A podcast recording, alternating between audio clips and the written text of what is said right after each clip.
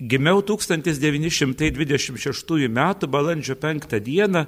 Geidučių kaime Šačių parapijoje Mosėdžio valščiuje Kretingos apskrityje, dabar Skuodo rajonas. Tais metais Velykas buvo balandžio 4, taigi šį pasaulį išvydau antrąją jų dieną.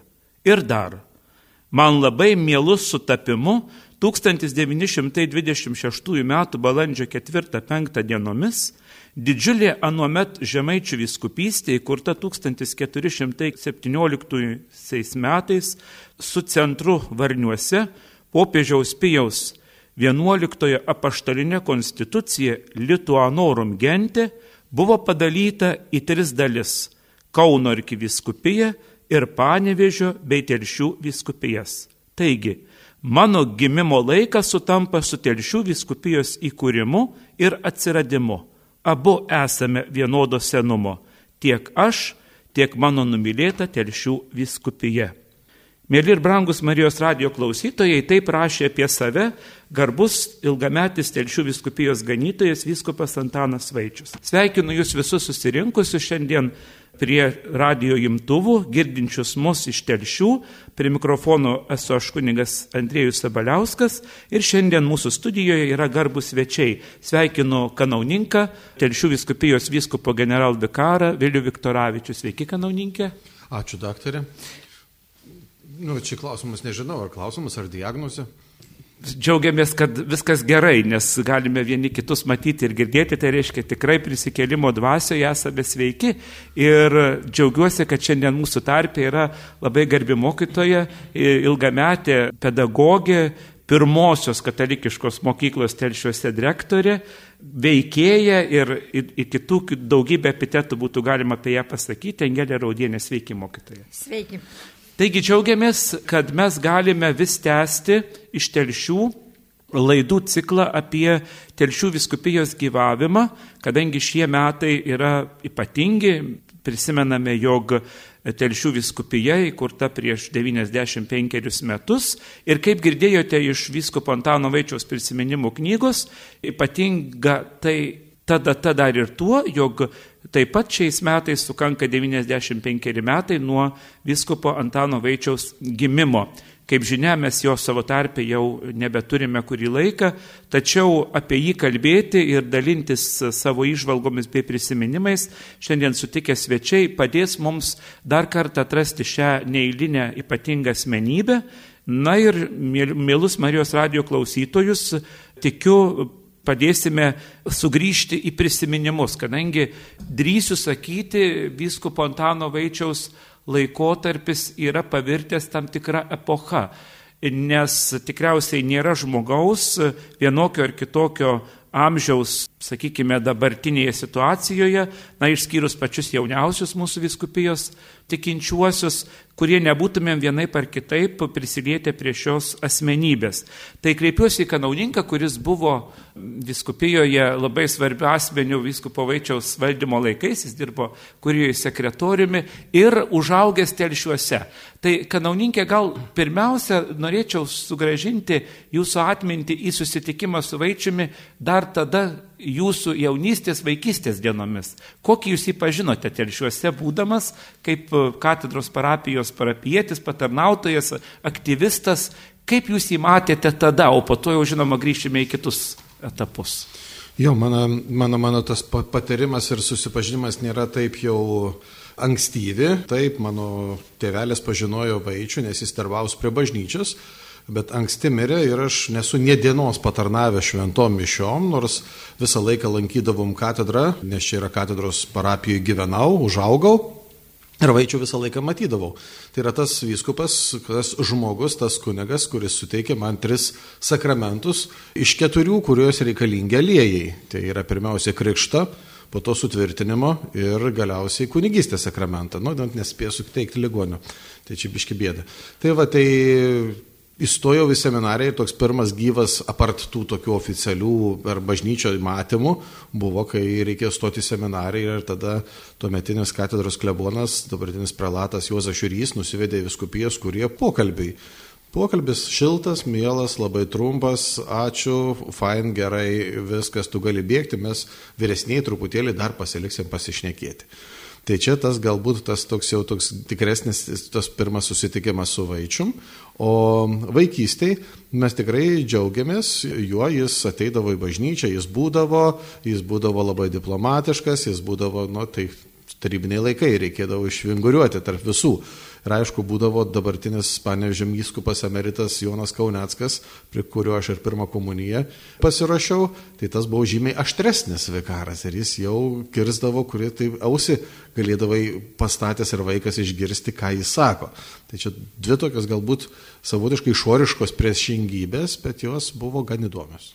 Mėlyjams Varijos radio klausytojams noriu priminti, kad mes kalbame apie viskupą Vaičių e, kaip tuometinį dar ir katedros kleboną, nes jis telšiuose išbuvo tikrai ilgus metus ir dar iki visų įvykių, apie kuriuos šiandien kalbėsime, į kurį darbavosi prie viskopo Pletkaus, apie kurį dar bus galimybė tikriausiai mums pakalbėti viskupijos istorijos kontekste.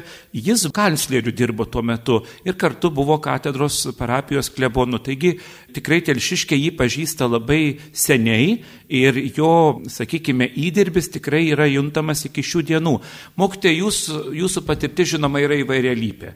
Gyvenote sudėtingais laikais, dirbote tame sovietinėme visame girnų malime, kada reikėjo labai ir, ir save saugoti, ir kitus saugoti, ir, ir, labai daug tos patirties įvairialypės, bet vis tiek jūsų ausis pasiekdavo apie viskų pavaičių, tuo metu dar kleboną, o paskui valdytoje, Kokios buvo nuotaikos klausantis apie jį, kaip žmonės atsiliepdavo, bet iš nuogirdų, tai irgi labai svarbu. Na, gal vis tiek toks žmogus kaip vyskupas telšiuose buvo jau matomas ir žinomas. Vienas iš tokių, vat, man įstrigusių, čia visko nepapasakosi visų, ką nugirdęs esi, bet kai kas įstrigė yra. Dar buvo, reiškia, sovietmetis ir buvo toks vienas mokytojas, direktorius, pavardės neminėsiu, nors jis jau miręs yra, bet jis skaitydavo teisinės paskaitas.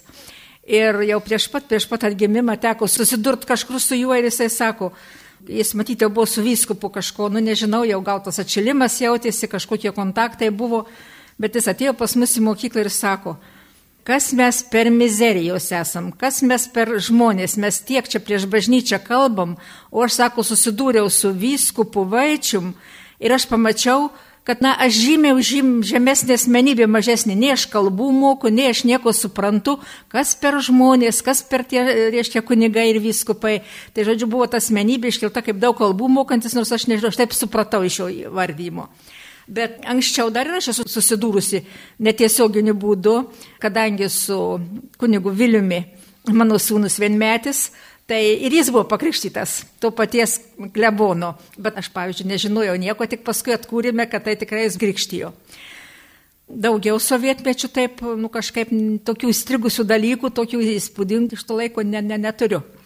Viskopo Antano Vaičiaus asmenybė yra dar ypatinga ir tuo, kad jis tarytum visada buvo sąsaja su ta pirmąja viskupijos raida, sakykime, apie kurią mes jau čia esame kalbėję ir Marijos radio klausytojai, jeigu kas girdėjote, buvo po truputėlį pristatyta, nes viskupas Justinas Taugaitis jam suteikė sutvirtinimo sakramentą, viskupas kankinys, dabar Dievo tarnas Vincentas Borisevičius buvo tas, kuris buvo tuo metu valdantis viskupiją, kai jis įstojo į kunigų seminariją, vėliau viskupas Pranciškus Ramanauskas tuo metu buvo, kai jis jis įstojo į seminariją telšiuose rektoriumi, profesoriumi, jis visus tuos patyrimus turėjo su savimi ir visada tą labai galėjom jausti. Ir jo, sakykime, visas kunigiškasis kelias iš tikrųjų buvo labai sunkiais laikais. Seminarija uždaroma jam studijuojant. Jis tada baigė Kaune kunigų seminariją ir 1950 metai žmonės tremiami į Sibirą, tas sunkusis vadinamasis stalinizmo laikotarpis, bažnyčios uždarinėjamos, įvairios represijos represijos, jis jaunas kunigas tampa tuo Kristaus Evangelijos nešėjų Žemaitijoje. Ir visas laikotarpis buvo tikrai sudėtingas. Jau tikriausiai ne vienam ganytojui telšių viskupijoje neteko tokio didelio krūvio išgyventi ir patirti, kokį turėjo jis. Na ir grįžkime prie jo kaip po klebonavimo laikotarpio. Mes žinome, kad po viskupo Pletkaus mirties jis išrenkamas valdytoju. Tai noriu pasakyti Marijos radio klausytojams, kad tuo metu tai buvo sudėtingos aplinkybės būti valdytojai, tai reiškia neturėti vyskupo sakros arba nebūti vyskupu, bet rūpintis viskupijos administravimu ir ant jo pečių užgriuva didžiulis krūvis. Tai dabar, jeigu žiūrėtumėm per tą laikotarpį, kai jis buvo valdytoju, iš tikrųjų iššūkis yra didžiulis, kadangi tuo metu išbandymų buvo labai daug. Gal galėtumėm, kanoninkė Vėliau, maždaug tą laikotarpį priminti Marijos radio klausytojams, ką galėjo kunigai ir ko negalėjo, arba sakykime, ko beveik negalėjo daryti. Priminkim, nes gal truputėlį pradedam ir primiršti kartais jau dabar laisvės sąlygos gyvendami. Taip, mes labai smarkiai esam tą dalyką primiršę, nes kunigai iš principo nieko negalėjo, galėjo tik prie altoriaus ir tai ne viską. Negalėjo šnekėti, ką galvoja, negalėjo sakyti tą, ką mato, o vaikų ruošti katechizuoti negalėjo. Viskas buvo uždaryta ne tik kaip buvo posakis, kad visa bažnyčia uždaroma į zakrastyje. Ne, jį buvo stengiamasi net ne į zakrastyje uždaryti į prie altoriaus dalį, kad nu, visiškai niekas neišeitų. Tai buvo labai sudėtingi laikai ir tam pačiam viskupijos valdytojui arba vyskupui, nes paskirti kunigą vyskupas negalėjo į kitą parapiją nesuderinęs su saugumu tai būdavo iš tikrųjų ištisinės dėrybos. Ištisinės dėrybos, ar galima kelti, ar ten galima kelti, tik tai gavęs leidimą kunigas galėdavo keliauti. Neužtekdavo vyskupo rašto. Tai vyskupui Antanui Vaičiui, būnant valdytojų, buvo labai sudėtingi laikai ir aš galvoju, kad šitas laikas, mes dabar sakom, kad jis buvo labai diplomatiškas žmogus. Iš tikrųjų, ta jo kova pasireiškia pirmiausia kuo. Noriu iliustruoti kanauninko Viliaus žodžius jo paties atsiminimų knygos tekstu. Jis rašo, didelis galvos skausmas buvo, kaip atsikratyti tapus man valdytojų Lenino portreto, pabrėžiu, mėly Marijos radio klausytojai, Kurija tai yra vieta, kur dirba vyskupas su savo komanda ir iš kurios valdo viskupija arba valdytojas taip pat perima tas patalpas kaip, na, kaip administratorius. Kabančio kurijos kambaryje šalia nukryžiuotojo. Nu, galim pabandyti įsivaizduoti dabar tą situaciją. Kitų viskupijų kurijose šito jau nebebuvo, užsiliko tik telšiuose. Kiek prisimenu, tebe kabojo ir Tarybų sąjungos gerbas reikėjo įspręsti šitą problemą. Tai pabandykime suprasti, kas per laikotarpis ir grįžtam prie kanauninko e, pasakojimo, kaip kunigams reikėjo ieškoti galimybių dirbti su žmonėmis, kad būtų paskelbtas tikėjimo žodis. Tai dar kanauninkai pailustruokime tą laikotarpį. Nu labai sudėtingas tai buvo. Aš gal labiau prisimenu tą patį dabartinį vyskupą Joną Kaunecką, kaip jis važiuodamas į Svarinsko teismą mums vaikams, kurie ruošiamės pirmai komunijai iš sakyklos, sakė, vaikai, žinot, aš galiu rytoj nebebūti, nes net galiu negryžti. Išvažiuoju į teismą labai gero žmogaus, kuris yra neteisingai apkaltintas. Bet jis kalbėjo garsiai ir iš sakyklos tokius dalykus. Vyskupas Vaičius dažnai stengdavos neiti į tiesioginį konfliktą, bet bandydavo atrasti kelių, kaip reikėtų, kaip būti tuo sažiningu žmogum ir kaip nu, išlikti šitoj sistemoj, kad jie nesuvalgytų tavęs. Tai vienas iš tų dalykų, kaip vyskupas Vaičius pateikdavo medžiagą netgi į katalikų bažnyčios kroniką, nu, negaliu pasakyti aiškiai žinodamas, bet labai įtardamas, kad Kauneckas esantis vikaras katedroje leidžia arba bendradarbiauja bent leidžiant šitą leidinį, tai jis ne kažkur patalpoj, ne kurijoje, ne bažnyčiai išvesivesdavo pasivaikščioti ir jausiai šnipšteldavo ant mano stalo ten tau palikta. Ir Kauneckas pasimdavo ir tai būdavo medžiaga, kuri labai gerai sueidavo viskupijos kronikai, Lietuvos katalikų bažnyčios kronikai. Taigi čia vėlgi tas toks žinojimas, bet neišsidavimas, suvokimas, bet nepasidalinimas. Ir šitą vat, mes po to jį vadinom diplomatų dideliu, bet tikriausiai tai yra išmokta iš tų praktikos sovietinės, kaip tu negali sakyti visko, ką galvoji, kaip tu turi šipsuotis, visus vaišinti ir nieko per daug daug rimtai nepasakyti. Ta dalyką vyskupas Vaičius buvo labai išsiugdęs. Ir aš manau, kad tai jam padėjo išlikti sovietmetį. Iš tikrųjų jo būdas bendrauti su žmonėmis tikriausiai buvo tas raktas, nes jis atminimuose štai parašo ne vieną pavardę, vienas iš tokių labai patikimų žmonių jo gyvenime, tai Pranas Viktoravičius. Tai suprantu, kad kalbam apie garbaus mūsų kanauninko generalvikaro tėvelį. Tai štai jis rasdavo žmonių, su kuriais turėjo ryšį. Ir dabar kreipiuosi į mokytę Angelę, jinai pajuto tikriausiai tą laikotarpį labai ypatingai tada, kaip pedagogė, kai prasidėjo sąjūdžio laikotarpis. Tada vyskupas Vaičius tikrai nepameluosime Marijos radio klausytojams, ko gero buvo tas vienas iš pagrindinių ragintojų drąsiai atsigręžti į tiesą ir ieškoti perspektyvos. Kaip pajutote sąjūdžio laikotarpio vyskupo Vaičiaus tą visą jėgą ir norą padėti Lietuvai atsistoti ant abiejų kojų? Laisvės ir nepriklausomybės dvasioje? Na, aišku, svarbiausia vis dėlto tai yra žmogaus asmenybė. Tiesiog tokie, tokie gal ir būdo bruožai ir kaip čia gerbimas kunikas Vilius sakė, tas išmokimas bendrauti. Aš, bet aš manau, kad tas išmokimas bendrauti su žmonėm yra atsineštas tikriausiai iš vaikystės, nes kartu jisai gyveno su savo sesute ir labai panašus tie bruožai, bei jų vaišingumas, nuoširdumas, betarpiškumas, mokėjimas bendrauti. Čia turbūt jie tokios dievų duotos jau įgimtos savybės, kurios pasitarnavo visais tais sunkiais laikais.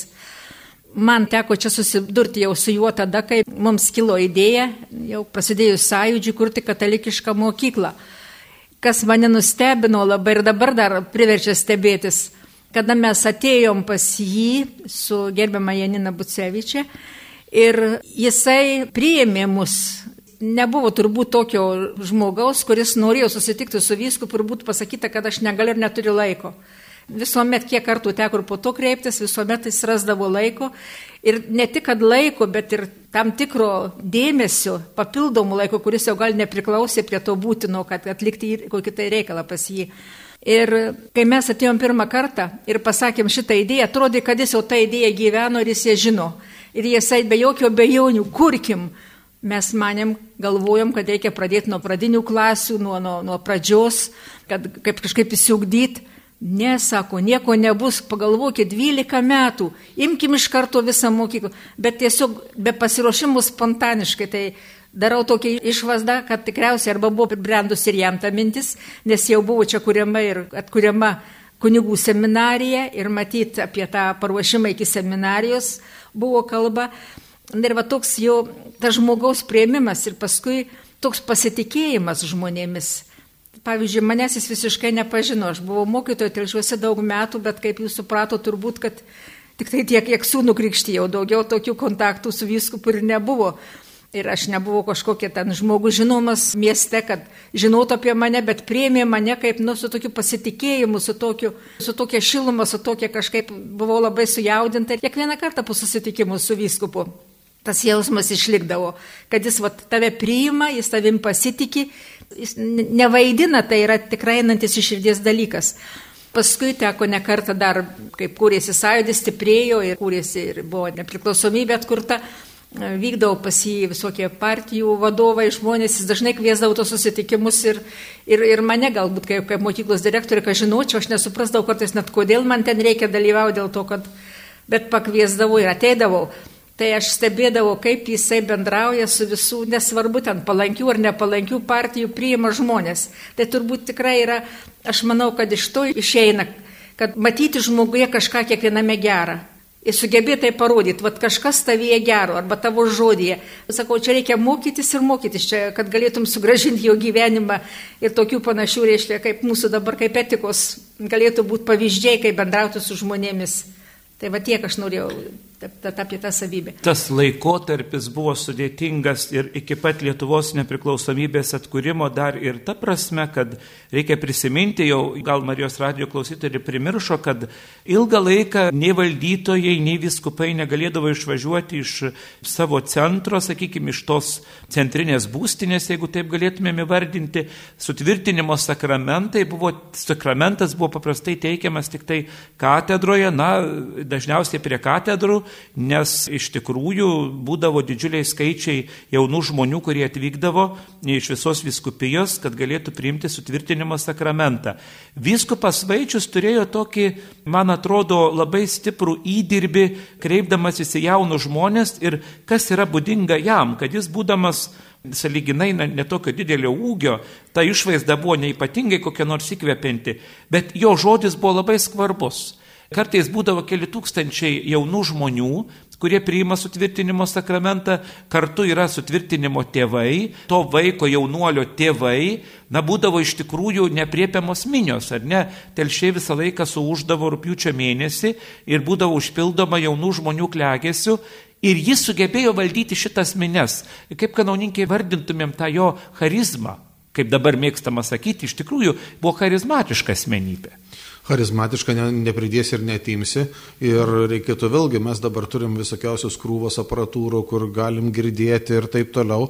O ten dažniausiai mišės būdavo šventoriui katedros ir tada visiems dar kokie du trečdaliai, o kartais trečdalis užsisukę už bažnyčios nelabai ką girdi, pastatyta viena kolonėlė mėgėjiška, kad bent kažkoks garsas pasiektų ir už kampo esančių žmonės.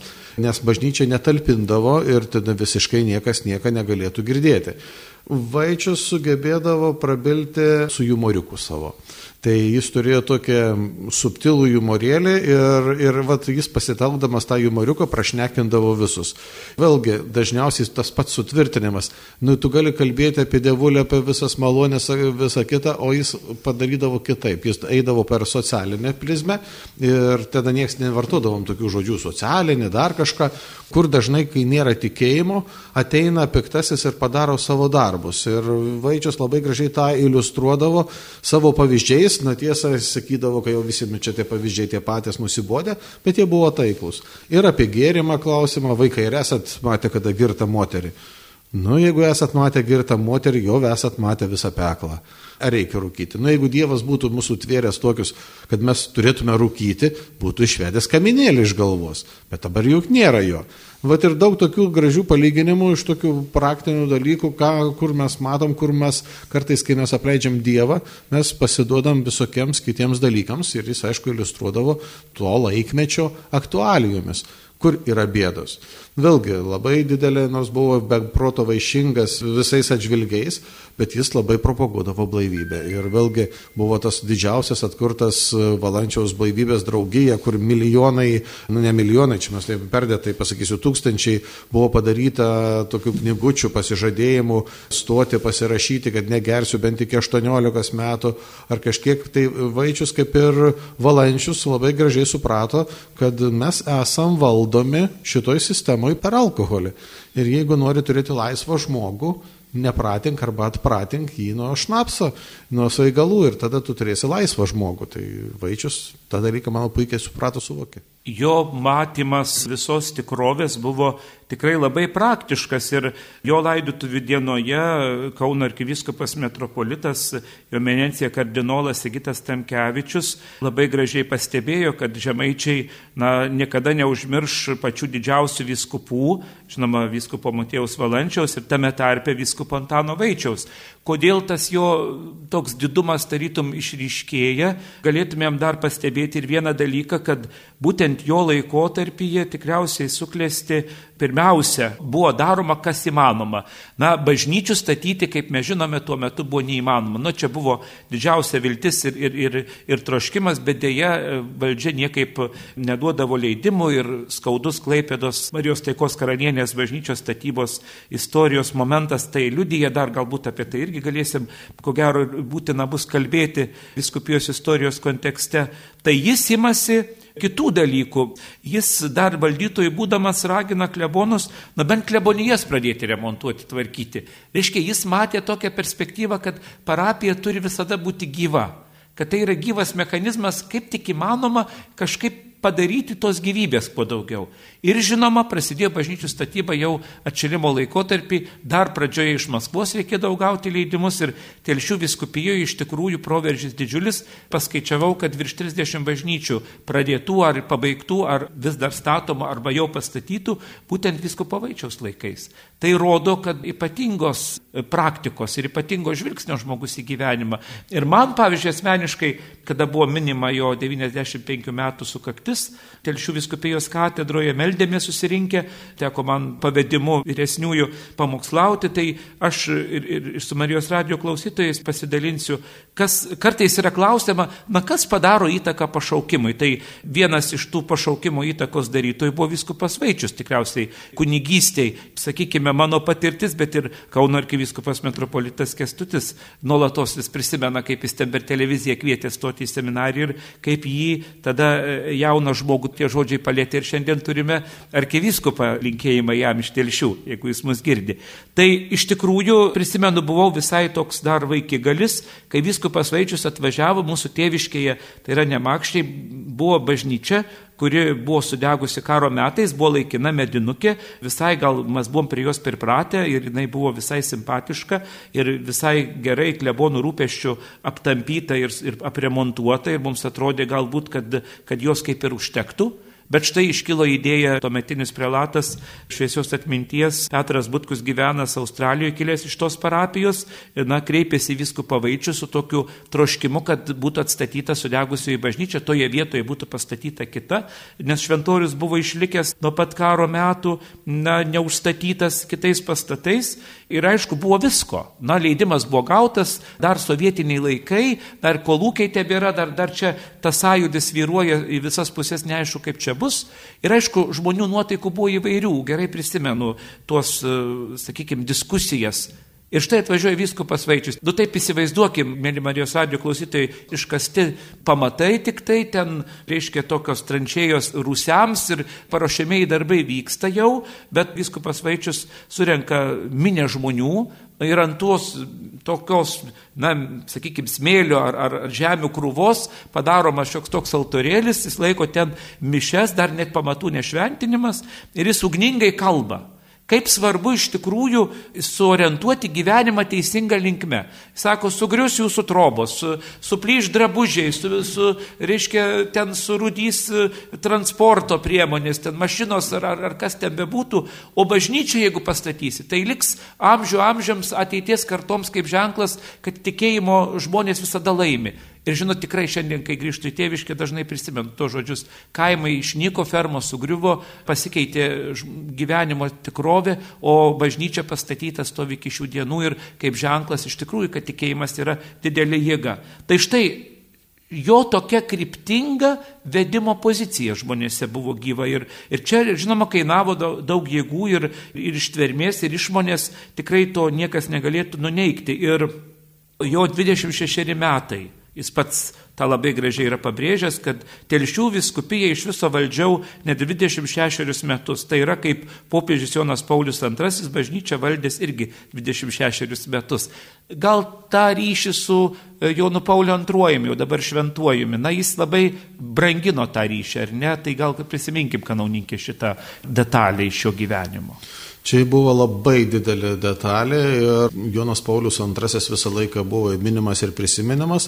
Ir plus, kad Vaičius pilnai suvokė, kad tai yra lietuvių šaknų turintis popiežius. Ir popiežius rodė tikrai didelį palankumą Lietuvai ir lietuviams, jau čia ne, netgi be Vaičiaus, bet tai manau, kad ir Vaičiaus įtaka kada dar studijuojant Romoje atvažiuodavo neopresbiteriai ir mes turėdavom galimybę prieiti, būti audiencijoje šalia popiežiaus ir po to prieiti prie pačio popiežiaus Jono Paulius II, ten vienam žodžiui ir nuotraukai, tai kažkada atlėkiam su neopresbiteriais į Petro aikštę, pilnutėlė žmonių, stovi šveicarų gvardiečiai ir aš tik pribėgu prie gvardiečio, sako, kur jūs, sako, mes turim tokį leidimą, iš kur jūs, iš Lietuvos, o iš Lietuvos pirmin.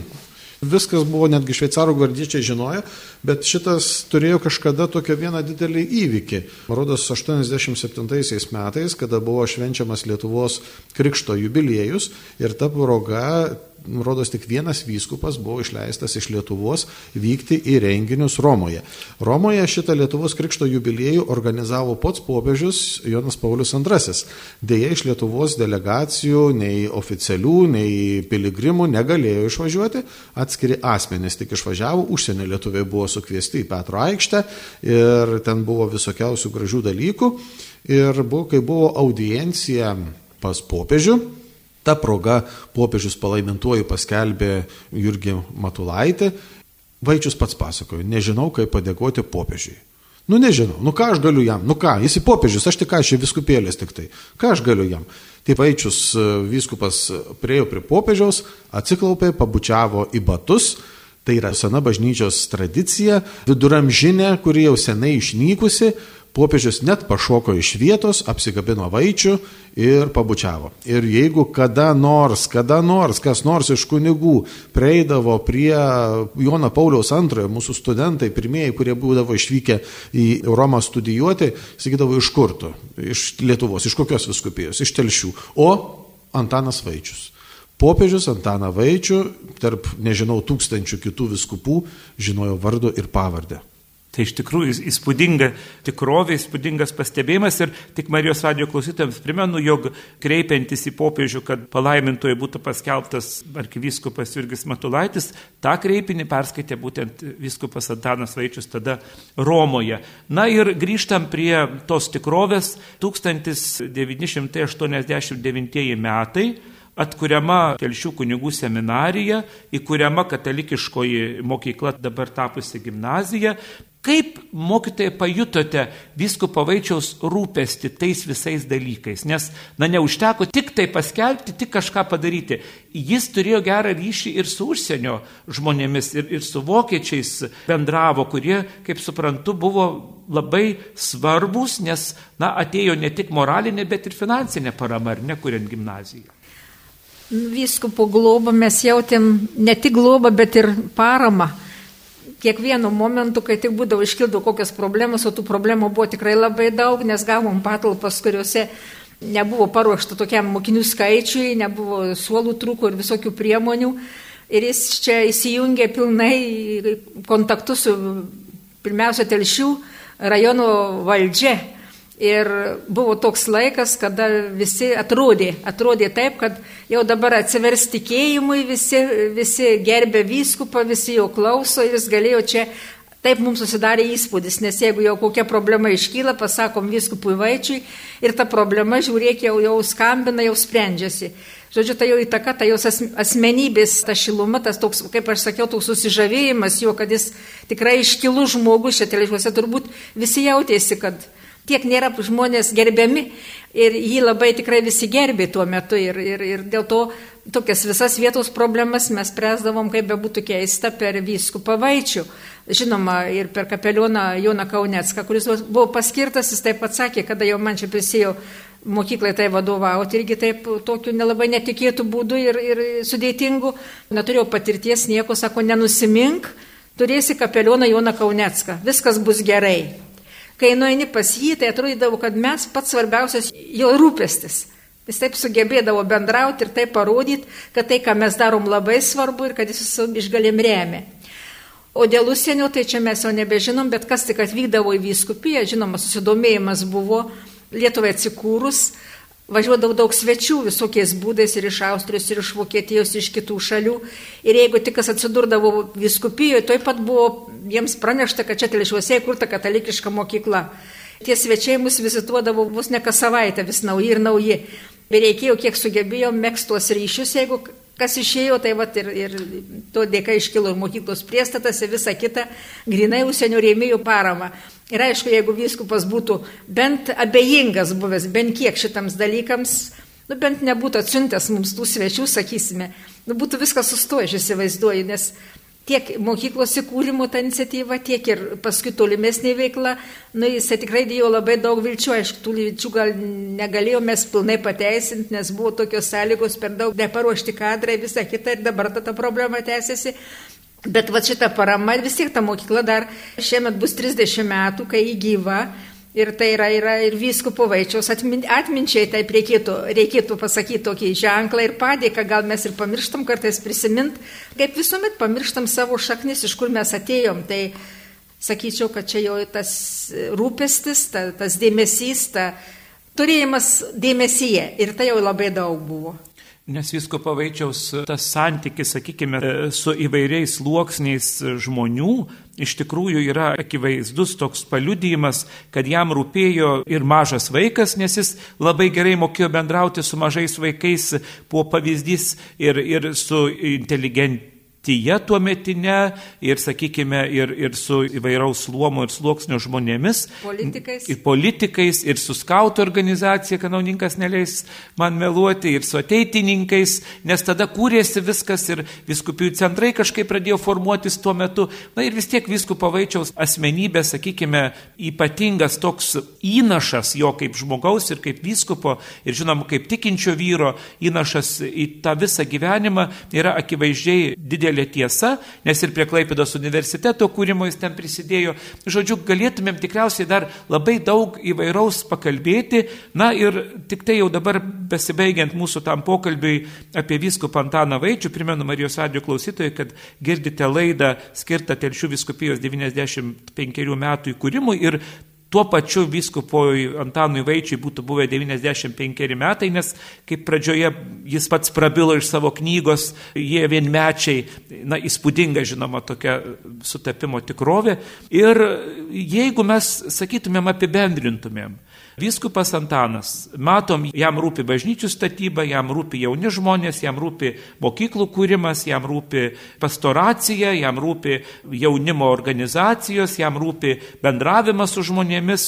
Kaip galėtumėm galiausiai pasakyti, sakykime, šiandien dabartiniai tikroviai Vyskupas Antanas Vaičius lieka mums kaip pavyzdžių aktuali asmenybė, praėjus jau nemažai metų ir po jo išeimo į amžinybę, ir galbūt galėtumėm padrasinti visus žmonės atpažinti tikėjimą kaip pagrindą, ant kurio stovi gyvenimo džiaugsmas. Nes viskupas Antanas buvo džiaugsmingas žmogus. Bent jau tiek, kiek visi mes jį patyrėme, ar seminarijoje jis lankydavosi, ar jis susitikdavo žmonės kūrijoje, ar jis susitikdavo gatvėje, ar jis kalbėdavo pamokslaudamas minioms, visada išriškėdavo džiaugsmingumo momentas. Tai galbūt dabartiniam tokiam kartais nusiminimo, nuliūdimo dėl įvairių sunkumų ir iššūkių laike galim pasiūlyti viskupą Antano Vaičiaus, taip galėtume sakyti, pasiūlyti asmenybę, kaip sakykime, kaip mokytoją, kaip nenuliūsti, nenusiminti.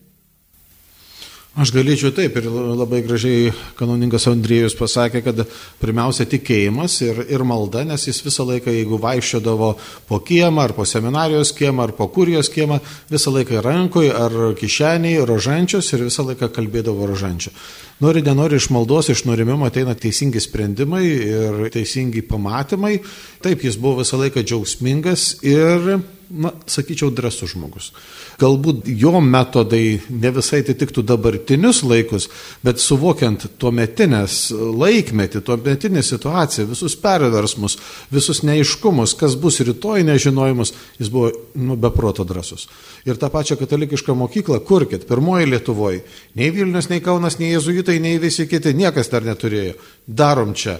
Seminariją atkūrėm griuvėsiuose, darom. Išspaudė, ką galėjo, kad siuntė labai tikslingai klierių klerikus, kunigus į Romą, ne bendram išsilavinimui, kad būtume čia išsilavinę žmonės, bet siuntė labai su konkrečia užduotim. Turi pabaigti šitą, grįši, darysi tą. Labai aiškiai žinojo toliai į priekį, ką norėtų matyti. Ir iš tikrųjų jo drąsa buvo tuo laikmečiu stebėtina. Tai aš manau, kad tikrai iš maldos galėtume sakyti ir tą vilties ir, ir džiaugsmingumą, iš maldos jis tikrai to turėjo ir dalinosi tuo. Ir dar tikriausiai vienas svarbus momentas, ką norėtųsi užakcentuoti, besibaigiant mūsų laidai, kad šalia vyskupo Antano Vaičiaus visada buvo labai stiprios asmenybės. Kurijoje dirbo ilgametis, tikrai šviesios atminties, neįlinio proto ir neįlinių gebėjimų kunigas apaštalinis protonotaras, kurį viešpats, na, gaila visai neseniai jau pasišaukė pas save, Juozapas Pranciškus Getgaudas, tai tikrai buvo neįlinė asmenybė viskupijoje ir, ir su vyskupo Vaičiumi išdirbo ilgus metus kartu ir po to dar, kurį beveik galėtumėm sakyti iki pat pabaigos, jis darbavosi ir kiti šalia jo buvę žmonės nu, buvo iš tikrųjų sutelkti tam, kad darbas judėtų, kad progresas būtų ir kad iš tikrųjų, sakykime, dalykai, kuriuos jis numatė ir, ir matė, na, būtų perspektyvoje. Tai tikrai yra didelės asmenybės požymis, nes parodo, jog žmogus pastebi kito žmogaus gerasias savybės ir talentus bei gebėjimus ir, sakykime, taip išnaudoja ir panaudoja geriausiems, kilniausiems tikslams. Dar mokytoje keletą žodžių pabaigai. Jūs asmeniškai, kaip jautėte viskupo vaičiaus bičiulystės momentą? Nes man atrodo, kad jūs laikė ne tik kaip direktorė, kaip pedagogė, bet jis kažkaip gebėdavo daug žmonių pasidaryti savo bičiuliais. Man taip atrodo. Man yra paslaptis, man yra paslaptis, aš ir dabar galvoju. Kai jūs kalbėjot, ką čia pasakyti man reikėtų pabaigai, tai aš vis tiek trupučiuką kitaip negu jūs klausot, norėčiau pasakyti, kad šalia visų tų bruožų, kurie čia buvo išvardinti, būtent kaip jis mylėjo žmonės ir kaip žmonės jį mylėjo. Kur ta paslaptis, nu, man rodos, čia tikėjime irgi paslaptis, tai yra, nereikia ieškoti mums toli čia sėdint Bet tai, yra, tai buvo žavinga, kaip jis sveikindavo jo jubiliejų progą, jo švenčių progą žmonės, su kokiu džiaugsmu, su kokiu jauduliu rinkdavosi su gėlėms. Čia tokie dalykai matėsi iš žmonių akių ir, ir, ir iš viso kito. Ir, ir kažkas tas vyksta, vat mums tikintiesiam turbūt ir visi jūs palydysit, kad kartais prisilieti prie asmenybės, susitinki su juo ir pasidaro šviesiau tarsi kokie šilumas klistų. Ir man, kad aš atėjau pirmą kartą ir visais kitais atvejais susitikimais su vyskupu Vaičiumi, tiesiog tą dieną padarydavo visą jau kaip šventę. Ir ypatingai po susitikimų, ta, tos šilumos gauni, prisipildai ir vat, norisi kažkur veržiesi kažką gerą padaryti, kažką, nu turbūt tas yra tikėjimo ir meilės, iš tikėjimo einančios meilės, tas ženklas ar kažkas man toks kaip, aš įsivaizduoju, kad tai yra žmogus, kuris vaikščia su šventumo aureolė. Aišku, mes visi gal nešventi, bet to būtent tas meilė žmonėms, tas pasitikėjimas ir tas, kaip jau sakiau, matymas žmonėse kažką gero. Pabūni su jų ir savyje atrandi kažką lik savyje gero.